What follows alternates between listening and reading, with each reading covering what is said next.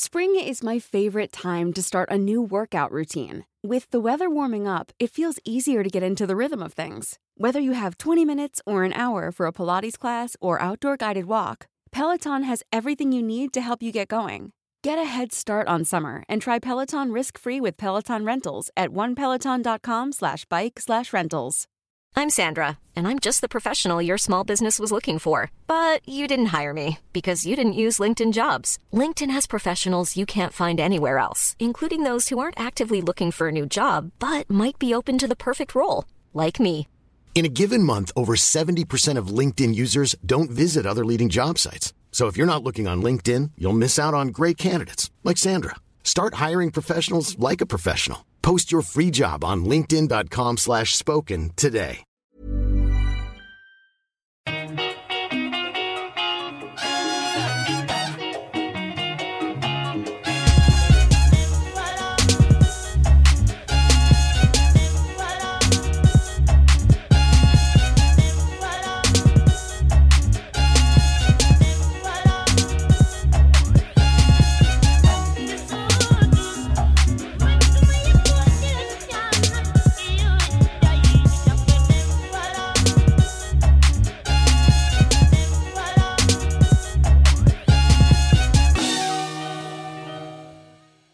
Du lyssnar på Svart historia med mig, Amat Levin. Jag är ledsen att det här avsnittet har dröjt. Det var ett par veckor sedan sist. Det beror på att vi här hemma har haft någon form av vabbrekord, alltså för oss. Jag har faktiskt aldrig varit med om något liknande vad gäller vabbande och det har gjort att allting har gått eh, ja, betydligt långsammare än vad jag hade tänkt. Men nu är jag alltså tillbaka och den här episoden markerar avslutningen på den första säsongen av Svart historia. När jag började den här podden nämnde jag ju det, att jag kommer att behöva jobba i säsonger för att hinna med. Jag gör allting själv med den här podden, från research och manus till klippning och musik, vilket jag gillar eftersom jag är lite av ett control freak men det gör att allt tar rätt mycket tid. Så med tanke på den stora mängden research som går in i varje avsnitt hinner jag inte hålla igång den här podden året runt, utan jag måste jobba i säsonger. Så jag tänker att jag kommer tillbaka med en ny och färsk säsong i slutet på maj. Men såklart för all del, fortsätt prenumerera på podden och ha kvar den i era flöden för den kommer tillbaka snart. Som vanligt, vill ni ha reklamfria avsnitt och en del bonusepisoder, kolla in patreon.com svarthistoria. Där hittar ni alla detaljer. Annars blir jag också glad om ni vill dela podden till folk ni känner eller på sociala medier. Eller om ni vill ge den ett betyg eller skriva en liten recension på poddappen som ni lyssnar på. Så, den här säsongsavslutningen handlar om en av de förkoloniala Afrikas allra mest berömda regenter. En kvinna som i flera decennier stod emot Portugals försök att erövra hennes land. Det är en kvinna vars aktioner genom historien både har demoniserats och romantiserats och som vanligt hittas sanningen någonstans i mitten. Dagens avsnitt handlar om Njinga, Angolas moder och kvinnan som på 1600-talet var beredd att göra allt för att slippa ge upp hennes land.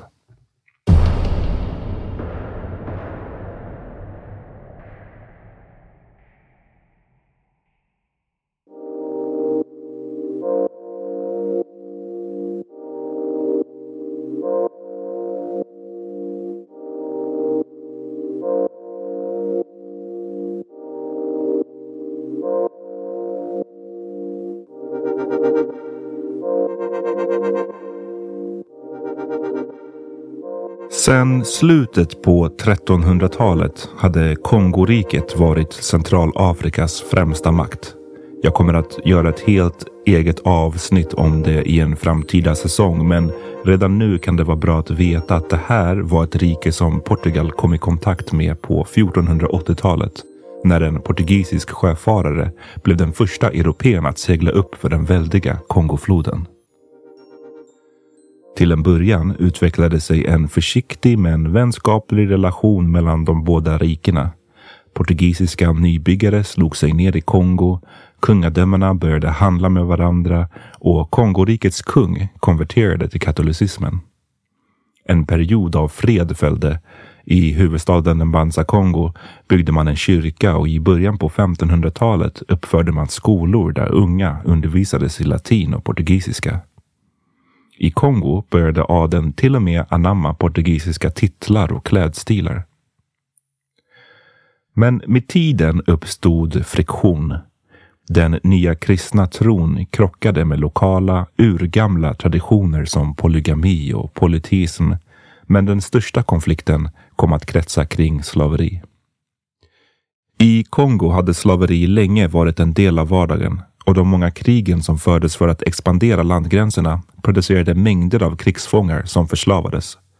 Det här afrikanska inhemska slaveriet har vi pratat om många gånger tidigare. Har du inte hört det och vill veta mer kan jag rekommendera avsnitt nummer 6 som heter Transatlantiska slaveriet del 1. Handeln mellan Portugal och Kongo innefattade mängder av varor som exempelvis elfenben och tyger. Men det portugiserna mest av allt ville åt var förslavade människor som de kunde sätta i arbete på plantagen som bredde ut sig på de väst och centralafrikanska öar utanför kusten man nyligen hade koloniserat. Inledningsvis såg inte den kongolesiska kungen något problem med att sälja landets förslavade till Portugal. Det var ett sätt att stärka statskassan. Men i takt med den europeiska så kallade upptäckten av Amerika och koloniserandet av de världsdelarna uppstod ett nytt, kanske aldrig tidigare skådat behov av arbetskraft. Efterfrågan på förslavade sköt i höjden. Plötsligt började även fria kongoleser förslavas, något som fortsatte trots den kongolesiska kungens upprepade klagomål. Till slut utbröt ett förödande krig mellan Portugal och Kongo.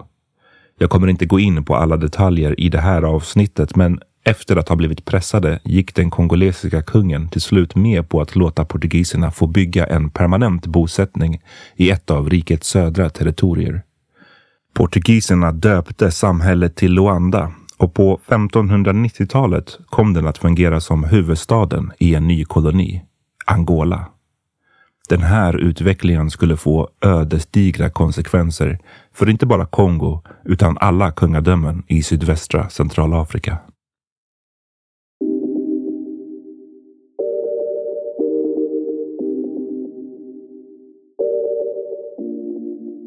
Beläget direkt söder om Kongoriket fanns ett kungadöme som hette Ndongo och som befolkades av ett folk kallat Mbundu. Ndongo hade traditionellt varit en av Kongos många lydstater men utgjorde den största av dem och var efter sin nordliga granne områdets mäktigaste kungadöme. Från huvudstaden Kabasa i det östliga höglandet regerade Ngolan, eller kungen, över en region som inkluderade torra kustområden, regnskogar, bördiga dalar och flera mäktiga floder som Kwanza. Genom både diplomati och våld hade landgränserna vuxit under 1500-talets första hälft. Riket var uppdelat i provinser som i sin tur bestod av flera hundratals mindre territorier som styrdes av sobas, en slags adelsmän, mindre kungar, byhövdingar eller lokala ledare som tjänade under Angolan. Angola var alltså själva titeln på kungen men portugiserna misstog det för namnet på själva staten eller området. De hörde Angola som Angola, vilket alltså fick dem att döpa sin koloni och region till det namnet. Det var redan år 1518 som Ndongos Angola började söka ett närmare band med Portugal. Man var inspirerad av sin nordliga granne Kongo vars relation med portugiserna fortfarande var positiv, givande och lukrativ och ännu inte hade urartat. Det året skickade Ndongo ett sändebud till Portugal och enligt den amerikanska historikern Linda M Haywood som skrivit mycket om Ndongo var syftet att efterfråga missionärer. Att likt Kongo bli erkänt som ett kristet land hade potentialen att göra både relationen och handeln med Portugal starkare. Igen, man hade ännu inte upptäckt den stora baksida som kunde vara förenad med portugisisk eller europeisk kontakt. Portugiser hade besökt Ndongo innan, men i maj 1560 anlände en officiell portugisisk delegation med bland annat de missionärer Ndongo hade efterfrågat. Portugiserna tvingades vänta i flera månader vid Kwanza-flodens mynning medan deras sändebud tog sig till kungen och bad om hans tillstånd för gruppen att fortsätta. När de till slut fick sin förfrågan godkänd kunde de börja den långa och utmattande färden mot Angolas huvudstad som låg långt inåt landet. Väl på plats tilldelades de tre stugor eller hyddor och fick efter ett par dagar äntligen träffa Angolan, kungen. Historikern Linda M Haywood citerar en av de portugisiska jesuitprästerna, en fader Mendes, som imponerades av kungens framtoning. Han beskrev Ndambi Angola, som kungen hette, som citat, en av de längsta i landet, som en jätte och väldigt stark. Slutcitat. Enligt Haywood hade kungen antagligen på sig kläderna som skulle bli tradition hos Ndongos kungligheter. En röd fjäder från en påfågel i håret, ett rött tygstycke över överkroppen och fårskinn runt midjan. Han var inte bara fysiskt imponerande utan en stor del av hans makt grundade sig i synen på honom som nästan en gudomlig figur. Han ansågs exempelvis ha kontroll över regnet. Ndongos kung tillät de portugisiska missionärerna att börja lära ut katolicismen.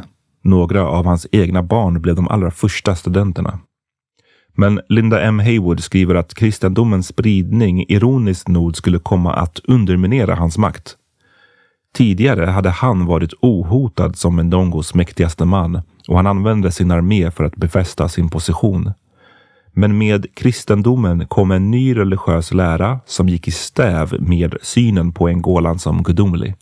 Och dessutom blev portugiserna med sina skjutvapen en ny maktfaktor på arenan. I Ndongo delades folket in i distinkta klasser. Majoriteten bestod av fria invånare. Det kunde vara allt från bönder och soldater till handelsmän och adeln. Resterande var Kijiko som var knutna till marken som deras herrar ägde, ungefär på liknande sätt som livegna i det feodala Europa. En tredje klass var mubika, människor som dömts till slaveri eller förslavats i samband med krig mot andra riken. Precis som i Kongo hade alltså Ndongo ett eget inhemskt slaveri. Men människohandeln var hårt reglerad och den kungliga armén gjorde regelbundna kontroller på marknaderna för att säkerställa att inga illegitima transaktioner genomfördes. Med få undantag var det bara de som var mobika som officiellt räknades som slavar som fick säljas.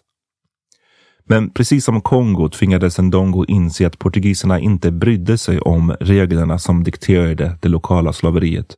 Och Portugal krävde dessutom fler slavar än vad Ndongo ville avvara. Det bidrog så småningom, tillsammans med bristande tillit och de tidigare oenigheterna om religion, ekonomi och makt, till att krig bröt ut på slutet av 1570-talet.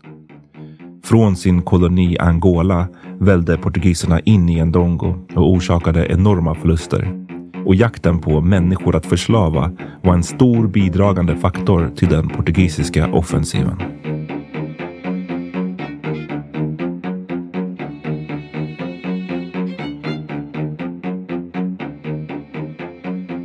År 1582 eller 1583 föddes en flicka vid namn Njinga Mbandi i Ndongo. Kriget mellan hennes hemland och portugisiska Angola var i full sving. Hennes namn var inspirerat av kujinga, ett verb som på det lokala kimbundu-språket betyder ungefär vrida eller vira runt. En referens till att hon föddes med navelsträngen omvirad runt halsen. Enligt Mbundu-traditionen var det ett omen om att barnet skulle leva ett annorlunda eller anmärkningsvärt liv. Njingas farfar, känd som Kassenda, var vid hennes födelse den styrande engolan över Ndongo. Och när hon föddes var han uppslukad av en desperat kamp för att försvara landets gränser mot de invaderande portugiserna. Kriget var brutalt. Portugiserna hade stor fördel av sina skjutvapen och knöt dessutom flera allianser med mindre centralafrikanska samhällen och kungadömen, ivriga att störta en av regionens giganter. Ndongo-soldater dödades i oöverskådliga mängder.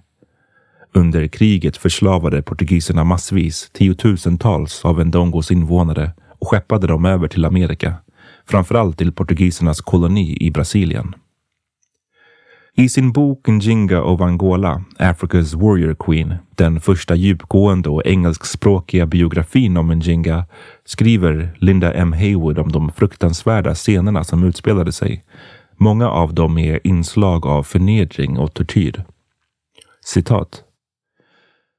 Ett missionärsvittne observerade att provianten som de, alltså portugiserna, tog eller förstörde, bland dem boskap, olja, honung och även hus fulla av salt, provinsens huvudsakliga exportvara, var så rikliga att man kunde fylla två slavskepp med dem.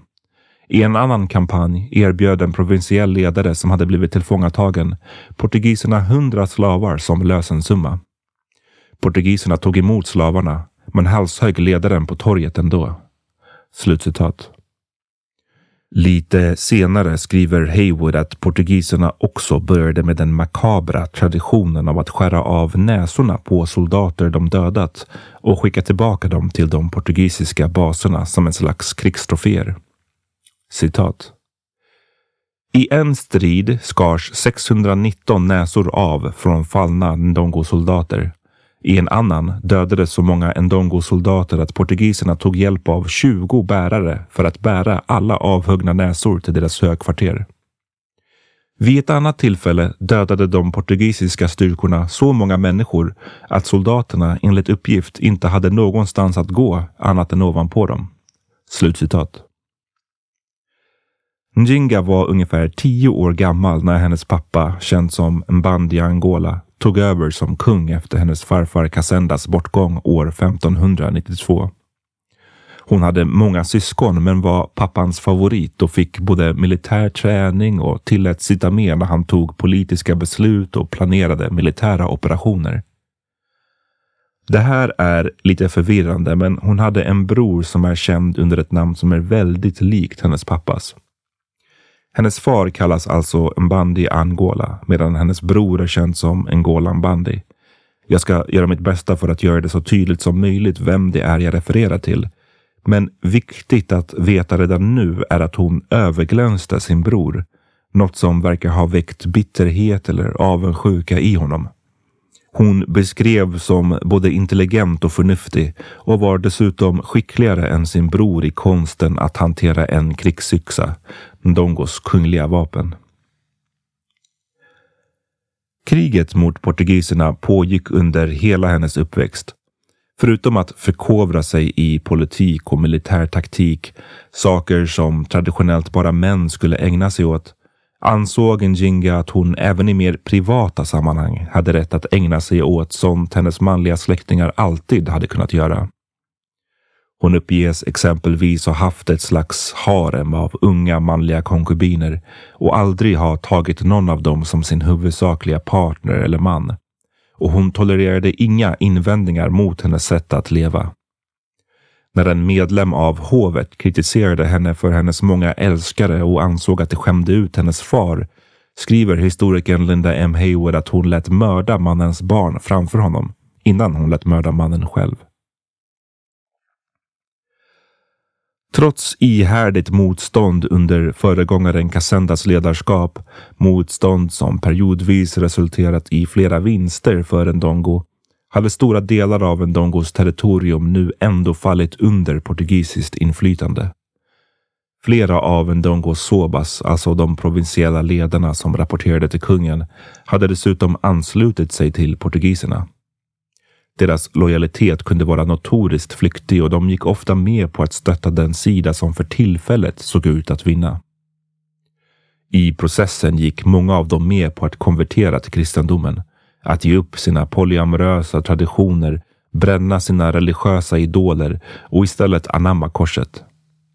De ledare som gick med på att gå över till den kristna tron översköljdes ofta av gåvor och hederstitlar. Den här sortens eh, religiösa krigsföring var ett viktigt led i den portugisiska strategin att minska Angolans religiösa eller spirituella makt. Njingas pappas styre försvårades också av att inte alla av Ndongos invånare såg honom som den rättmätiga regenten. Och han hade både två halvbröder och flera sobas som försökte utmana honom om tronen. Han blev i stort sett tvungen att bekämpa både yttre och inre hot. Men den kanske viktigaste afrikanska gruppen portugiserna nu allierade sig med är känd som Imbangala.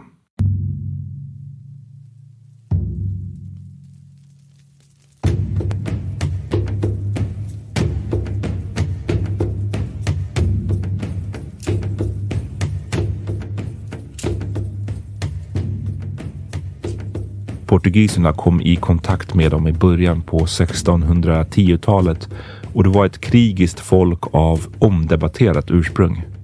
Likt antikens Sparta finns mängder av uppgifter, några eventuellt uppskruvade, om Imbangala-folkets våldsamma natur. Deras samhälle sägs exempelvis ha kretsat kring krig. De kan ses på ungefär som ett gigantiskt rövarförband och medlemskap handlade inte om familjeband utan initiationsriter. Det sägs exempelvis att de egna barnen som föddes i Kilombon eller krigslägret där de bodde dödades och att man istället föredrog att kidnappa andras barn för att utöka den egna gruppen. Dessa barn tränades sedan för strid från ung ålder och man räknades inte som en fullvärdig medlem av gemenskapen förrän man dödat en annan människa. De påstås även ha ägnat sig åt kannibalistiska riter och varit särskilt förtjusta i palmvin. Imbangala var en nomadisk grupp. De invaderade och upprättade sina krigsläger och flyttade igen när resurserna var förbrukade.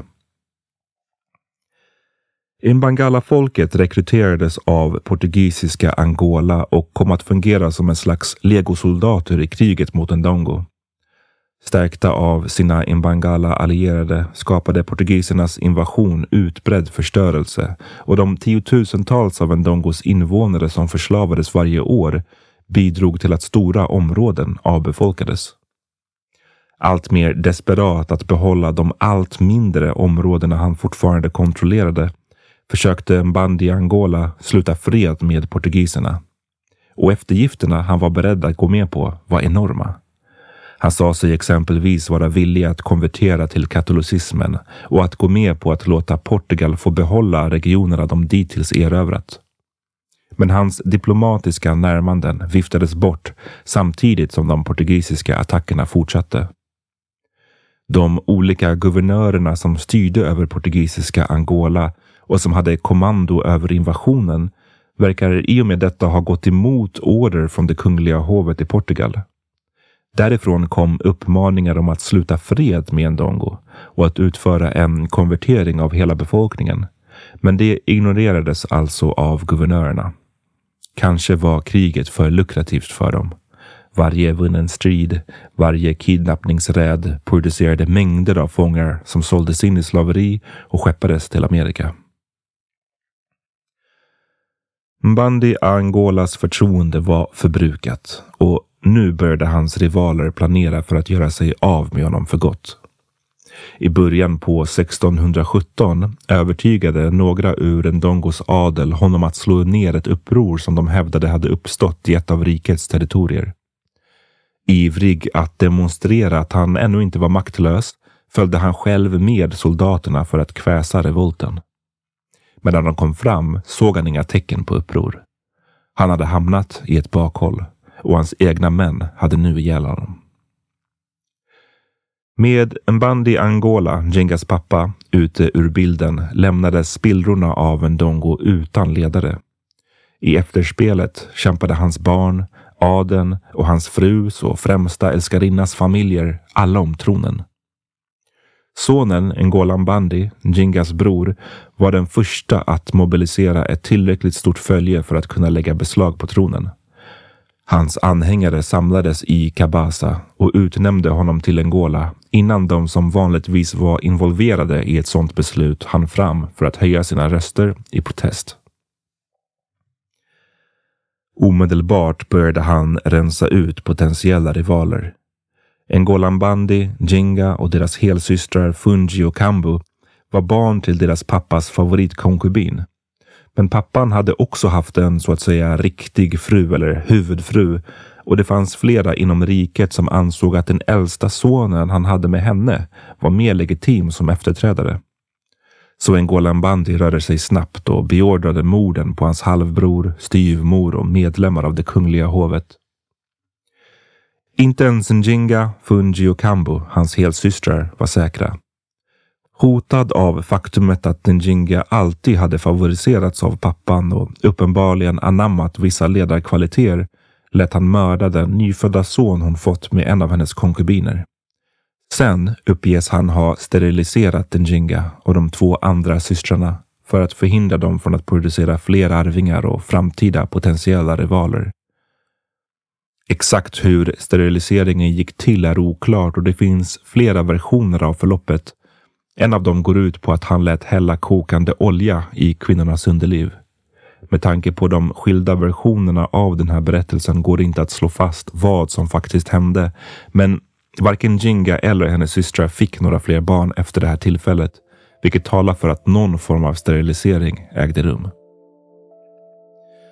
Jinga var nu runt 35 år gammal och hade utsatts för otänkbara grymheter av sin bror. För att undvika ytterligare repressalier flydde hon och gick i exil i grannlandet Matamba som låg öster om Ndongo.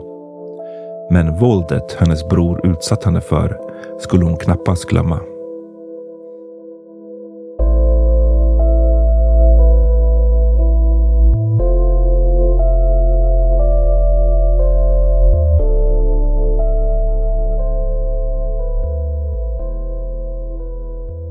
Under frånvaro fortsatte portugisernas avancemang under ledning av den nya guvernören Luis Mendes de Vasconcelos som tagit över posten år 1617. Han drömde om att erövra inte bara Ndongo utan alla riken från dagens Angola i väst till nuvarande Mosambik i öst. Slavhandeln var motorn som skulle finansiera och möjliggöra de kostsamma expeditionerna. Hans armé, som förutom portugisiska soldater och deras förslavade bestod av Imbangala-krigare och Sobas som bytt sida, nådde Ndongos huvudstad i skiftet mellan 1617 och 1618. Ngolambande, Njingas bror som lyckats knipa makten några år tidigare, tvingades på flykt och de som invaderade förstörde stora delar av staden. Under de kommande åren fortsatte kriget att härja och vid ett tillfälle lyckades Ngolan Bandi återerövra Kabasa. Men 1621 attackerade portugiserna staden på nytt och kungen flydde igen.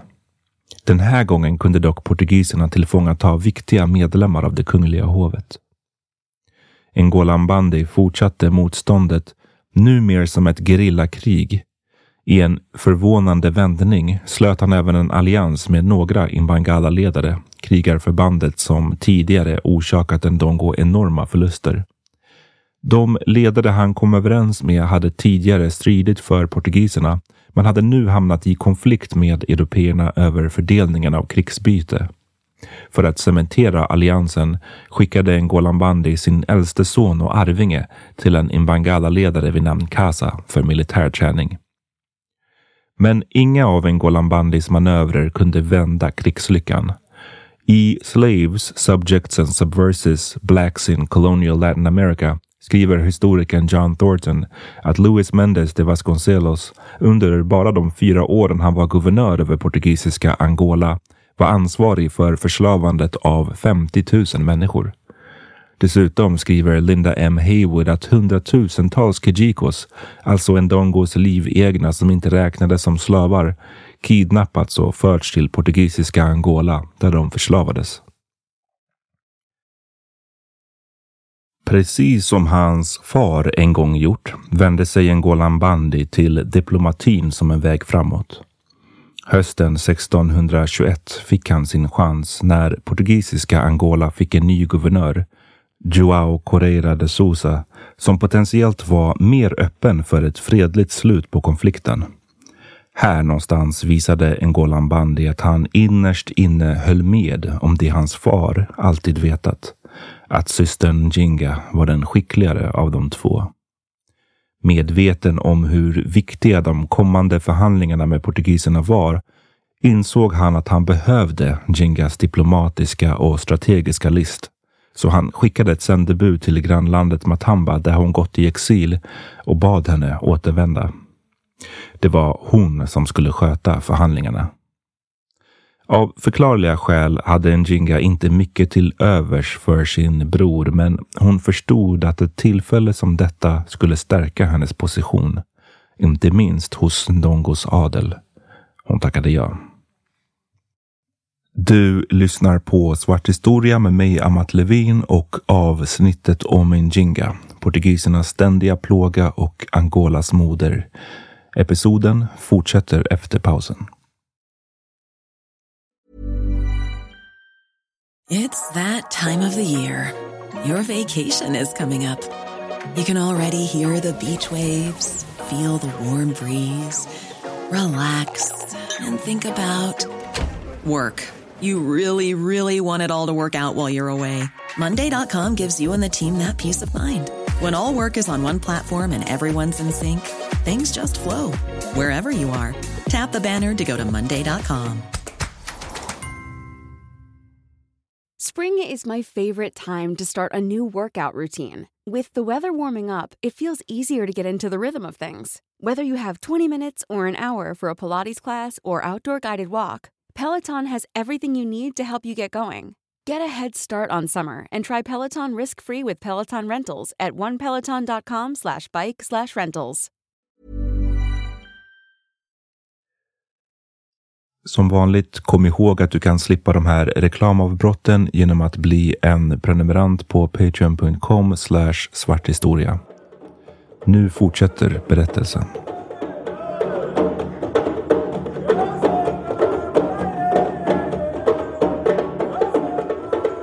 I början av 1622 anlände Njinga till Angolas huvudstad Luanda tillsammans med ett stort sällskap av delegater, tjänare och förslavade som hennes bror försett henne med.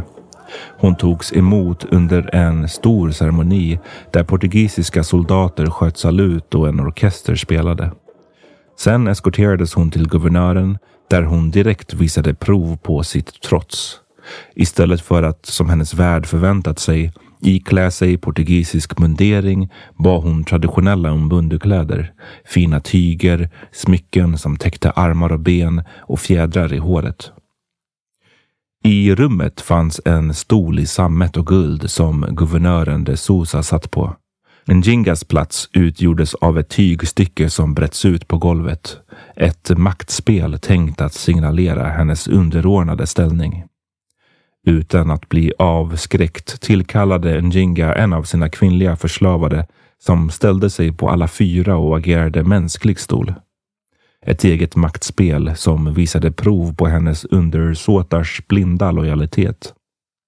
I de tuffa förhandlingarna stod Njinga på sig och vägrade exempelvis att gå med på det portugisiska kravet att Ndongo årligen skulle leverera en last med förslavade. Den sortens tribut kunde bara avkrävas av någon som erövrats och Njinga påminde om att portugiserna faktiskt ännu inte lyckats avsätta hennes bror. För att ändå säkra fredsfördraget lovade hon att Ngolan Bandis gerillakrig skulle upphöra och att han skulle lämna tillbaka slavar som flytt från portugisiska Angola och sökt skydd i Ndongo. Ett av hennes främsta knep var dock att gå med på att konvertera till katolicismen. Mot att hennes bror Ngolan Bandi också skulle låta sig döpas lovade portugiserna å sin sida att returnera de Sobas och livegna som de kidnappat och förslavat. De skulle dessutom dra tillbaka Imbangala-krigarna som härjade i Ndongo och förflytta ett fort som de tidigare byggt nära landets gränser. När hon lämnade rummet poängterade guvernören att den kvinnliga slaven som hon suttit på fortfarande stod kvar på alla fyra mitt på golvet. Jinga ska då ha svarat att hon lämnade kvinnan där med flit för att någon av en Jingas status aldrig sitter på samma stol två gånger. Här kanske det är på sin plats att påminna om det jag pratade om i avsnittet om Mansa Musa och Maleriket. Mot bakgrund av att svart historia traditionellt har tryckts undan, själva anledningen till att jag håller på med det här arbetet, finns det en tendens att numera överkompensera och titta på afrikanska riken och regenter genom ett romantiserat skimmer. Men som jag sa eh, när vi pratade om Mali är det värt att komma ihåg att härskare sällan kommer till makten med helt fredliga metoder och att stora imperium sällan formas utan våld. Särskilt inte när vi pratar om personer och riken som existerade för flera hundra år sedan. Brutala erövringar var vardag för många av den här typen av ledare på den här tiden och det förändras ju inte av faktumet att vi pratar om afrikanska eller kvinnliga ledare. Jinga var en produkt av sin tid och hon bör bedömas därefter. Man behöver varken upphöja henne eller fördöma henne för att bara så att säga konstatera den avgörande roll hon spelade i 1600-talets Centralafrika. Njinga och hennes delegation stannade i ett par månader i Luanda och portugiserna bekostade hennes uppehälle. Väl medveten om de strategiska fördelarna som en konvertering till katolicismen kunde föra med sig tog hon sig an förberedelserna och ritualerna med entusiasm. Portugisiska Angolas guvernör Joao Correira de Souza blev hennes gudfar och Ana da Silva, kvinnan som Jinga bott hos under sin vistelse i Luanda, blev hennes gudmor. Själva ceremonin ägde rum i en kyrka i Luanda som den katolska jesuitorden byggt och när den var slut fick hon mängder av gåvor. Hon lämnade Luanda, inte bara med ett löfte om fred, utan ett nytt namn, lånat från hennes nya gudföräldrar. Hädanefter skulle hon vara känd som Anna de Sousa Njinga. När Njinga kom tillbaka till Ndongo gjorde hon det med ökat inflytande. Ngolan Bandi såg överenskommelsen som en seger och började mer och mer förlita sig på sin syster i sina beslut. Han försäkrade henne till och med att hon skulle ärva tronen efter honom. Men det visade sig snabbt att portugiserna inte hade några planer på att hålla sin del av avtalet. De avstod med att både lämna tillbaka de livegna de kidnappat och att riva fortet de rest allt för nära Ndongos landgränser. Samtidigt övertalade Njinga sin bror att avstå konverteringen med motiveringen att Ndongos kung inte hade råd att alienera sin befolkning genom att avsäga sig sin tro. Det kan också ha varit ett led i att hindra hennes bror från att genom att konvertera komma närmare portugiserna. Det här är ett av många exempel på det avancerade politiska och taktiska spel Njinga hela tiden ägnade sig åt. Genom att se till att hon var den högst rankade av den kungliga familjen att konvertera fick hon särskild status i portugisernas ögon. Status hon var mån om att hennes bror inte skulle få. Samtidigt Trots att hon officiellt redan konverterat och på pappret nu var katolik behöll hon sina religiösa bundu-traditioner eftersom hon visste att det var en av nycklarna till legitimitet i Ndongo. Exempelvis, den första biten på väg hem från Luanda eskorterades hon av portugiserna och visade stolt upp de gåvor och katolska ikoner hon fått av dem. Men så fort portugiserna vänt hem mot Luanda igen uppges hon ha gömt undan ikonerna och genomgått en, inom citationstecken, hednisk rit tänkt att skydda henne under färden hem mot Kabasa. Strax efter att Njinga kommit tillbaka föll Ngolan Bandi in i en djup depression och det har spekulerats i att den åtminstone delvis kan ha triggats av Njingas sätt att utmana honom på. Hon var trots allt den som representerat Ndongo så väl under förhandlingarna med portugiserna, medan han var den som förlorat så mycket territorium under sin tid som kung. Under den här perioden uppges Njinga upprepat och öppet ha ifrågasatt både hans ledarskap och hans manlighet, vilket underminerade hans makt och verkade tära på honom mentalt. År 1624 dog han under mystiska omständigheter att han svalde gift är mer eller mindre belagt, men det är inte fastställt om han begick självmord eller blev förgiftad av exempelvis Njinga. Klart är att Njinga aldrig glömt tillfället då han lät döda hennes nyfödda son. Tiden var nu kommen för att slå tillbaka.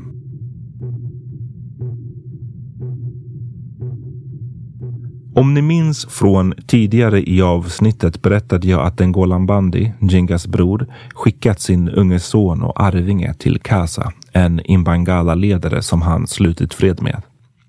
I Kasas läger hade pojken, nu sju år gammal, sedan dess tjänats i krigskonster i väntan på att han skulle bli gammal nog för att ta över som Ngola.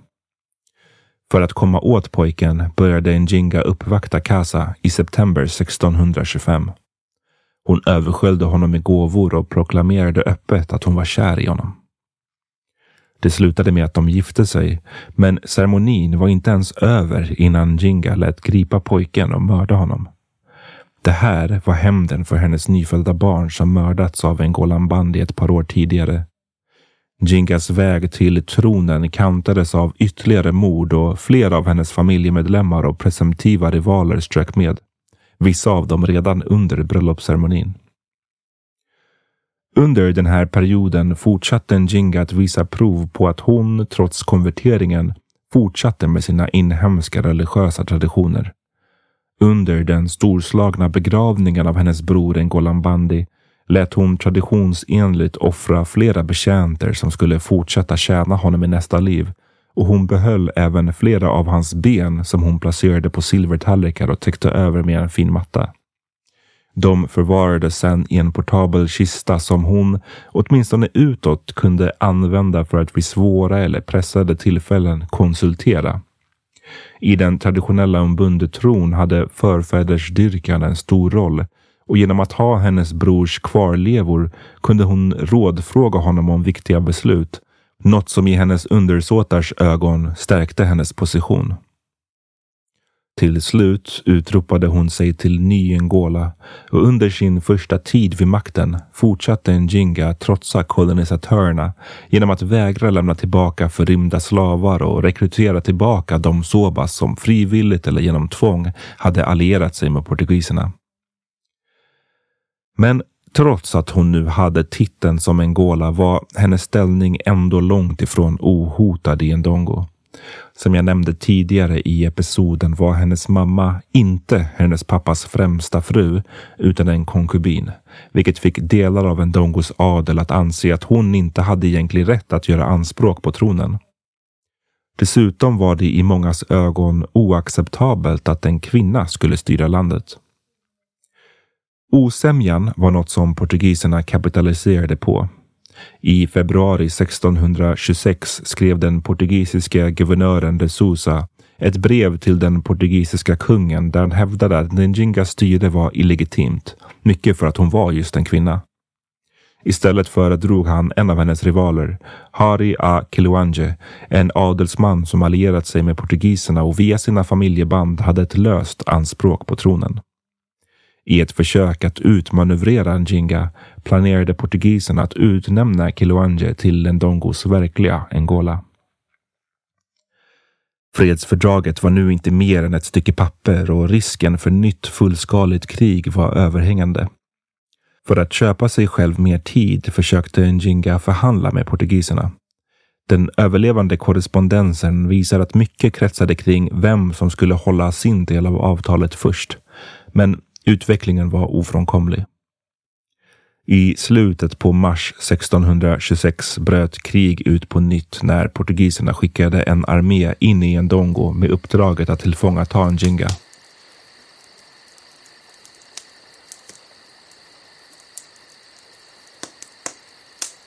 Hon och hennes följe hade sökt skydd i Kindonga, en samling öar i Kwanzafloden som Ndongo styrande sedan länge använt som en av sina baser. Där hade hon samlat trupper, hamstrat proviant, rest försvarsbyggnader och utvecklat ett varningssystem av klockor som skulle ringa från ö till ö så fort portugiserna skymtades. Den första attacken mot Kindonga-öarna skedde i maj när portugiserna och deras allierade korsade floden i kanoter. Jingas trupper mötte dem med skjutvapen och pilbågar. Trots hårt motstånd lyckades portugiserna inta ö efter ö och efter varje erövring kunde de ta över maten, boskapen och vapnen som gömts undan där. Från den mest befästa ön höll Njinga dock ut i månader, men i juli 1626 blev situationen desperat. Ännu en gång använde hon sin list för att köpa sig själv mer tid. Hon skickade sändebud till portugiserna där hon uttryckte sin lojalitet till dem och spelade som att hon inte förstod varför de attackerat henne. Hon skickade även tillbaka sex portugisiska gisslan, välbehållna och väl omhändertagna som hon sedan länge hållit fångna, som ett sätt att visa sin goda vilja. Hon påstod till och med att hon var villig att officiellt bli en vasall, alltså en lydstat under portugiserna. Men istället för att infinna sig hos fienden och skriva på fredsfördraget som portugiserna i sitt svar instruerat henne att göra, orkestrerade hon en riskabel flykt från sitt gömställe. Under en sommarnatt rörde sig några av hennes bästa trupper över floden och tände eld på flera av kanoterna som portugiserna använt under erövringen. I hennes bas lät hon bränna all proviant hon samlat där innan hon och hennes följe själva flydde över vattnet. Under de kommande dagarna jagades hon av portugisiska ryttare och fotsoldater. Men hon och hennes grupp kom undan genom att söka skydd i flera av de många grottorna som fanns längs vägen.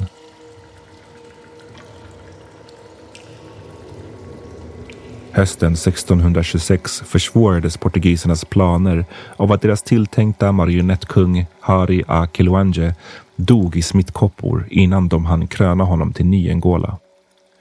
Valet föll istället på hans halvbror Ngola Hari som trots att han hade ett svagare anspråk till tronen knäböjde för portugiserna den 12 oktober 1626 och blev deras marionett. Under Njingas fortsatta flykt växte hennes popularitet och i områden hon passerade rekryterade hon fler till sin sida. Samtidigt kom allt fler att tvivla på rivalen Ngola Hari vars portugisiska beroendeställning fick honom att framstå som svag. Och visst fanns det fog för det. I sin bok Njinga of Angola, Africa's Warrior Queen, skriver historikern Linda M Haywood om kraven som Hari tvingats gå med på för att sponsras av portugiserna som ny Angola. Titeln var missvisande för i praktiken hade han berövats mycket av makten som kungen vanligtvis skulle ha. Han var tvungen att hålla slavmarknaderna öppna och själv övervaka dem istället för att låta en lokal ledare göra det, som tidigare varit kutym. Han var tvungen att skydda portugisiska slavhandlare under deras färder till och från marknaderna och fick inte beskatta dem. Han fick inte längre beskatta de sobas som traditionsenligt stod under honom. Beskattningen skulle ske av portugiserna själva. Han skulle gripa och lämna tillbaka varje förslavad person som rymt från hans landområden. Annars skulle han själv få bekosta förlusten av den så kallade egendomen. Han var tvungen att ställa sina soldater till portugisernas förfogande och hjälpa dem att försöka övertyga befolkningen om att Njinga övergett Ndongos invånare. Han förväntades dessutom ta råd av och på ett respektfullt sätt lyssna på portugisernas religiösa elit. Genom en kombination av vilseledning, gerillakrigföring och terrängkännedom kunde Njinga hålla sig undangömd i åratal samtidigt som Ngola Haris redan minimala stöd urholkades ytterligare. Men priset hon fick betala var högt. Vid flera tillfällen undkom hon med bara knapp marginal och flera av hennes anhängare dödades eller tillfångatogs och förslavades i striderna. Ett av dessa tillfällen och som bidragit till hennes legendstatus inträffade i maj 1629. Och vittnesmålet kommer från Fernão de Souza som tagit över som guvernör i portugisiska Angola ett par år tidigare, 1624.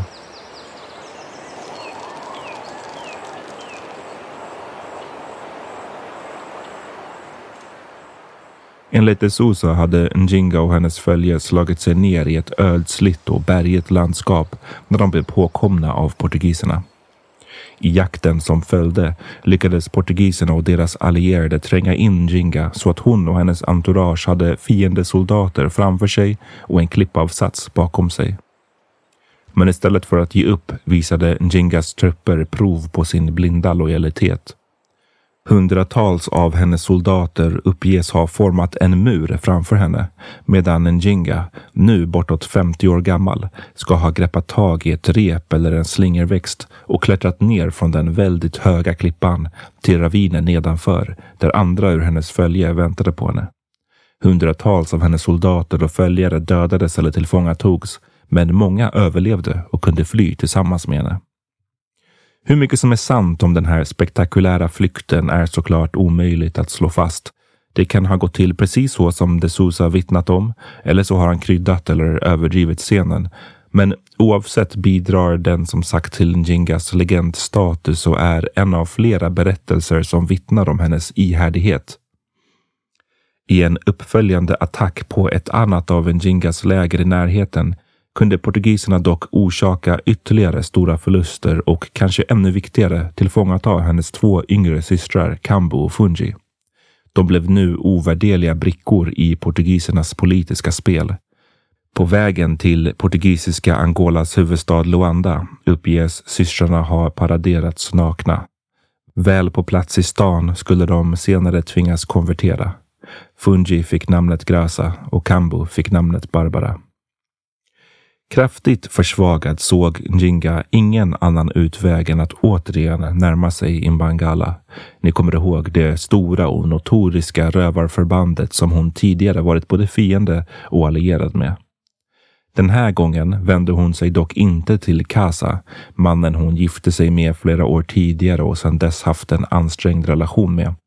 Istället kontaktade hon Kasanj, den kanske mäktigaste av alla Imbangala-ledarna.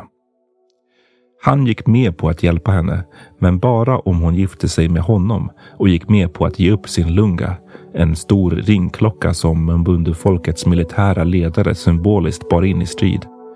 Till Kasanjs förvåning tackade Njinga ja. Hon lämnade sitt folk bakom sig och anslöt till Kasanjs läger. Men den som trodde att hon nu var uträknad gjorde ett stort misstag. För att bli en fullvärdig medlem av Imbangala och senare ledare av sitt eget krigsförband var Njinga tvungen att genomgå de många initiationsriterna. Dessutom skulle hon följa de lagar som Imbangala ansåg att en av deras tidiga spirituella ledare en gång i tiden formulerat. Imbangala hade ingen ensam ledare. Vem som helst som genomförde de nödvändiga riterna kunde därefter få leda sitt eget förband Historikern Linda M Haywood skriver att detta nästan demokratiska inslag, alltså att alla tekniskt sett kunde leda, kontrasteras mot att man väl som ledare hade nästintill obegränsad makt. Riterna uppges bland annat ha varit att dricka människoblod och att smeta in sig i en olja som skapats av att mörda och mortla sitt barn. Eftersom Minjinga vid det här laget inte hade något eget barn uppges hon ha dödat en av hennes betjänters spädbarn för att kunna genomföra ritualen. Trots att hon nu, kring våren 1631, var en medlem av Vimbangala behöll hon sin vana trogen även sina gamla religiösa traditioner. Hon hade blivit något av en expert på att anamma och kombinera de olika delarna av kulturerna hon nu var del av hennes ursprungliga ndongo-traditioner med det katolska och nu med imbangala-riterna. Hon kunde visa upp och förstärka olika sidor av hennes identitet beroende på situationen och vad som skulle tjäna henne bäst.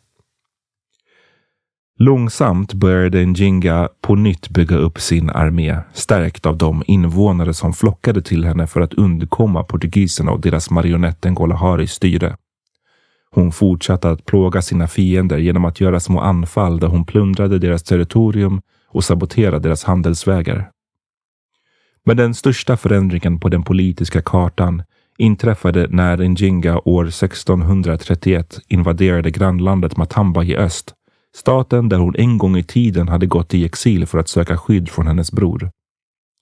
Med våld avsatte hon den dåvarande regenten, drottning Mwango, år 1631 och titulerade sig i fortsättningen som Angola av de kombinerade kungadömena Ndongo och Matamba. I Matamba blev Njinga den första Imbangala-ledaren att styra över en riktig stat. Där fick hon dessutom andrum från de portugisiska attackerna och slapp de politiska rivaler som ville ersätta henne med en man. Till skillnad från hennes mer patriarkala hemland hade Matamba också en lång tradition av kvinnliga ledare. Från sin nya bas fortsatte Njinga att strida mot portugisiska Angola, mån om att försöka återta Ndongo. Framgångarna var vid det här laget många och hon lyckades återerövra flera områden som tidigare tagits över av portugiserna. Dessutom tvingade hennes många anfall flera slavmarknader att stänga och slavexporten minskade kraftigt på 1630-talet. En intressant aspekt av Njinga var hennes syn på genus och sexualitet. Som Angola refererade hon till sig själv som kung, inte drottning, och klädde sig nu allt mer i manliga kläder. Precis som under hennes unga dagar fortsatte hon att ha ett harem av manliga konkubiner som hon nu började klä som kvinnor. Hon gifte sig dessutom på nytt med en man känd som en tombo och hon insisterade på att även han skulle klä sig som en kvinna. Det var uppenbarligen inte bara religion utan könsroller och genus som Jinga manipulerade för att behålla makten. Samtidigt som Njingas återuppståndelse som Imbangala-ledare pressade portugiserna uppstod ett nytt hot för dem. Från havet anlände en nederländsk armada bestående av 22 fartyg. Portugal var inte längre det enda europeiska landet i området. Över 2000 nederländska soldater gick i land och inom kort hade de tagit kontroll över Luanda. Njinga såg positivt på utvecklingen. Fienden till din fiende är trots allt kanske din vän och hon föreställde sig hur de kunde hjälpa henne att driva bort portugiserna för gott. Men Njinga och Nederländerna hade skilda mål. Hon var lika fast besluten som vanligt om att återerövra sitt hemland medan Nederländerna mest var intresserade av att säkra ett stadigt flöde av förslavade människor. Precis som Portugal höll Nederländerna nämligen på att upprätta en egen koloni i dagens Brasilien och de var därför på jakt efter arbetskraft. I utbyte mot europeiska skjutvapen erbjöd Njinga Nederländerna rätten att köpa hennes krigsfångar och hon blev en av regionens främsta leverantörer av afrikanska slavar till européerna. Igen, Njinga var beredd att göra i stort sett vad som helst för att återta makten i riket som hon ansåg sig ha rätten att styra över. Och hennes slavhandlande är en av flera anledningar till att man inte kan se på henne med okritiska ögon. Tidigare hade hon saboterat för portugisiska slavmarknader. Nu sålde hon själv förslavade till Nederländerna. Hon ska alltså inte ses som en slaverimotståndare. Hon gjorde helt enkelt det som för stunden kunde förbättra hennes situation. Hon var makthungrig, precis som många andra av 1600-talets härskare. Kriget böljade fram och tillbaka i åratal och involverade förutom Jingo och Portugal nu även Nederländerna och till och med Kongoriket i norr som hon hade en lös allians med. Under den här perioden byggde Njinga upp ett enormt krigsläger i Dembos-regionen i nordvästra Angola som huserade uppemot 80 000 pers det uppges ha tagit två dagar att gå från den ena änden av lägret till den andra.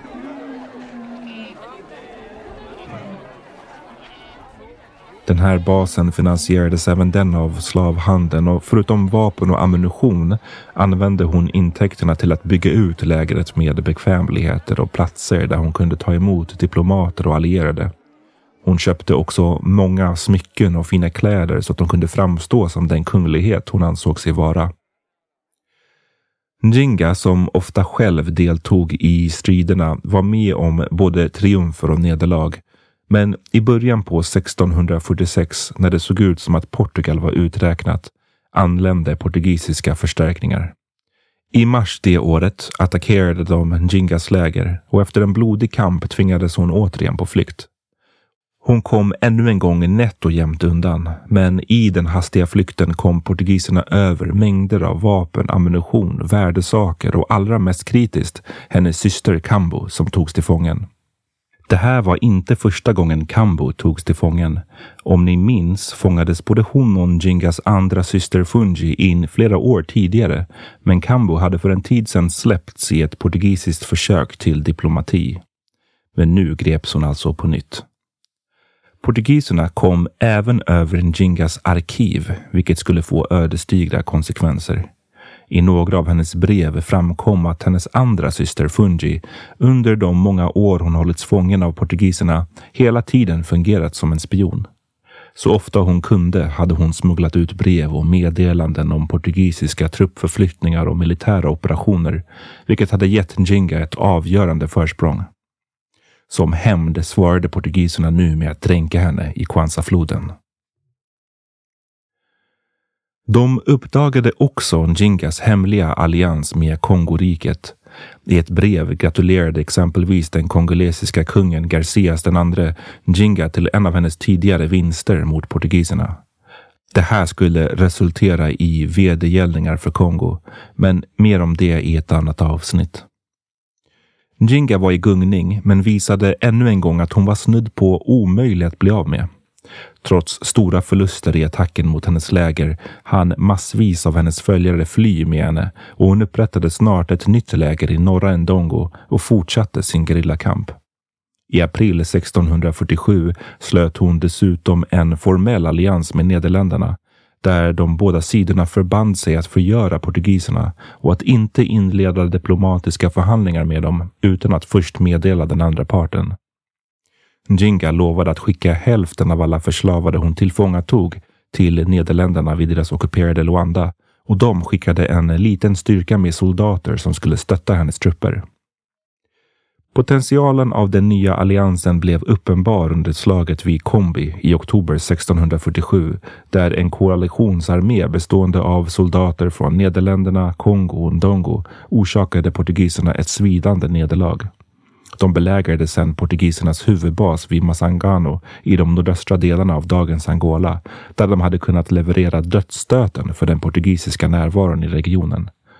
Men de lyckades aldrig penetrera försvarsställningarna då de saknade artilleriet som behövdes. Trots det verkade en vinst för Njinga och Nederländerna bara vara en tidsfråga. Portugiserna kunde inte gömma sig i sina fort för alltid. Allt förändrades dock i augusti 1648 då en massiv portugisisk förstärkning anlände från deras brasilianska koloni. Från sina fartyg bombarderade de Luanda och gav Nederländerna ett enkelt val. Antingen gav de upp staden inom tre dagar eller så gjorde de sig redo för att utplånas. Njinga och majoriteten av de nederländska styrkorna var upptagna med belägringen av Masangano och blev tagna på sängen. Portugiserna intog därefter Luanda och Nederländerna kapitulerade, vilket lämnade Njinga utan sin kanske viktigaste allierade. Det började gå upp för henne att hon inte kunde vinna konflikten med våld.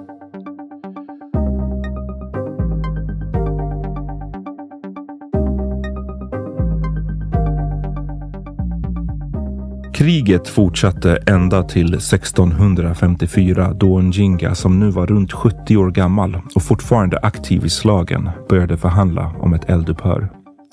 Efter decennier av våld där båda sidor var oförmögna att helt besegra varandra var tanken på fred lockande för alla parter.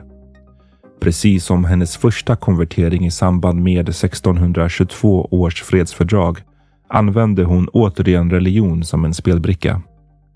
Vid de tillfällen då det fanns kristna missionärer bland européerna hon tillfångatog hade hon under flera år en tradition av att släppa dem fria.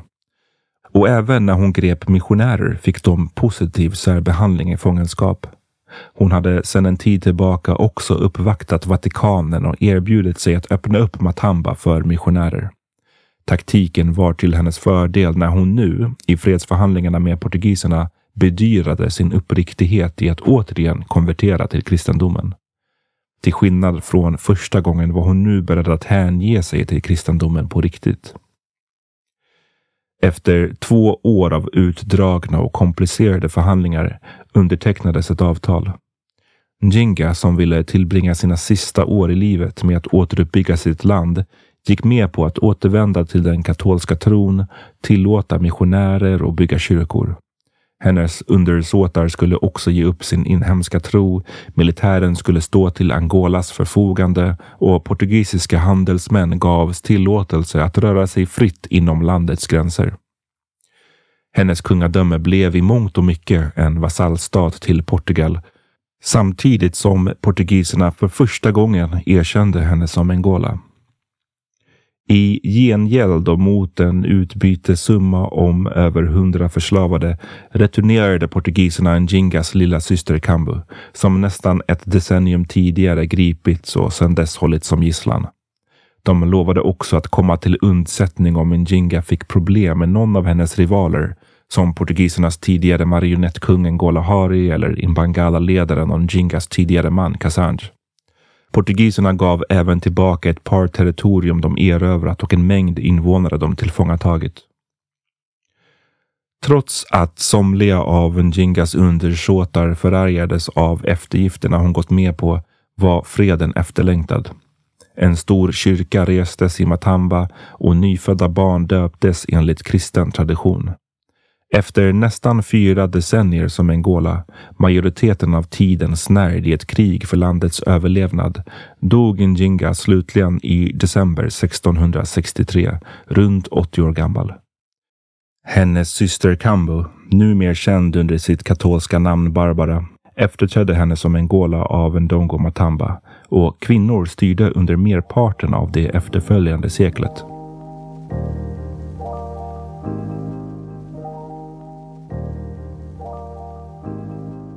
Njinka har lämnat efter sig ett komplicerat arv.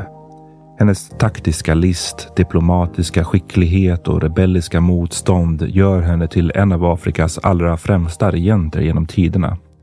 Samtidigt var hon stundtals både brutal och skoningslös i försvaret av sitt land och kampen om makten. Något som hennes försvarare härleder till hennes utsatta och pressade situation. Men genom historien har hon haft många högljudda kritiker. Under hennes levnadstid och även därefter producerade europeiska missionärer och diplomater mängder av vittnesmål som framställde henne som hypersexuell, lössläppt, barbarisk, kannibalistisk, sadistisk, opolitlig och nästintill diabolisk. Ett sätt att legitimera övertagandet av hennes land.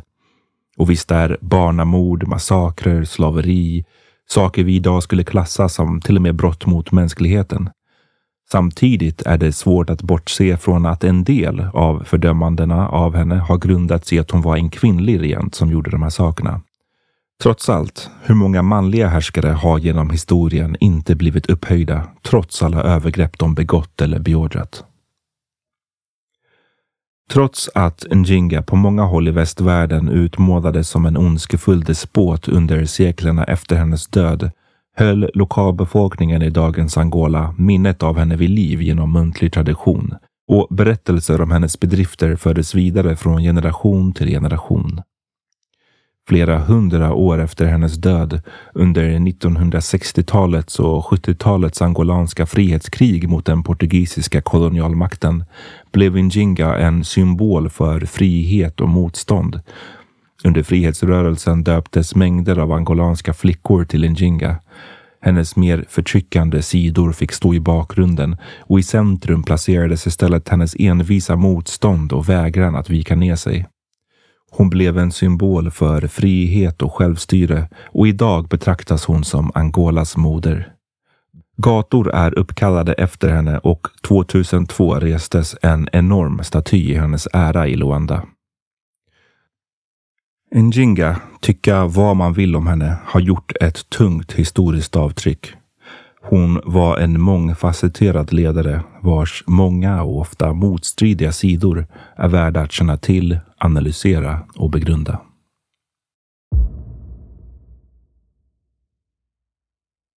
Tack för att du har lyssnat på Svart historia med mig, Amat Levin och avsnittet om Njinga, portugisernas ständiga plåga och Angolas moder. Som vanligt lägger jag upp hela källhänvisningen på patreon.com svarthistoria och just källhänvisningen behöver man inte vara en prenumerant för att ta del av. Så kolla bara in den adressen helt enkelt. Det här markerar som sagt säsongsavslutningen. Stort tack till alla ni som har lyssnat. Jag hoppas att ni har lärt er något nytt eller fått nya perspektiv på saker.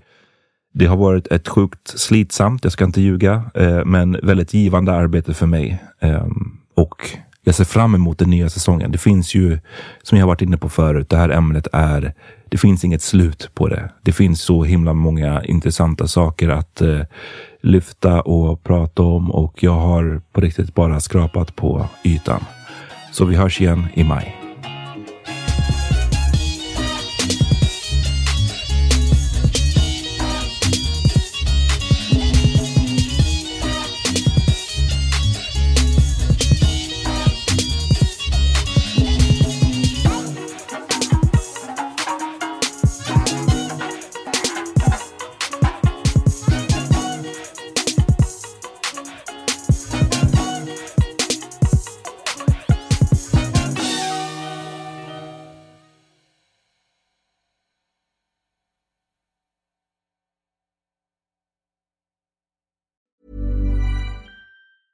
Hey, folks, I'm Mark Marin from the WTF Podcast, and this episode is brought to you by Kleenex Ultra Soft Tissues your ally to help tackle your allergy symptoms this season. I love the change of seasons, but nobody loves pollen and all those other things floating in the air that make you sneeze during this nice weather. Kleenex Ultra Soft tissues are hypoallergenic and allergist approved. So fight back against watery eyes and runny noses without worrying about irritating your skin. For this allergy season, grab Kleenex and face allergies head on.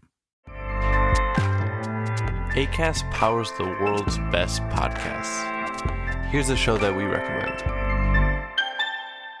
The Real Housewives is a guilty pleasure for most, but if you're looking to not feel guilty about that pleasure, tune in to Everything Iconic with me, Danny Pellegrino, where I break down all the messy moments and behind the scenes antics of Bravo's popular franchise. And on Everything Iconic, I also interview celebrity guests like Kelly Ripa, Kiki Palmer, Drew Barrymore, Cameron Diaz, and more about their guilty pleasures, their past work, and so much more. So if you're pop culture obsessed and find yourself watching way too much reality TV like me, tune in to Everything Iconic with Danny Pellegrino wherever you listen to podcasts.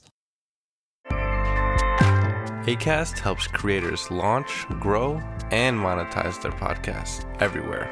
ACAST.com.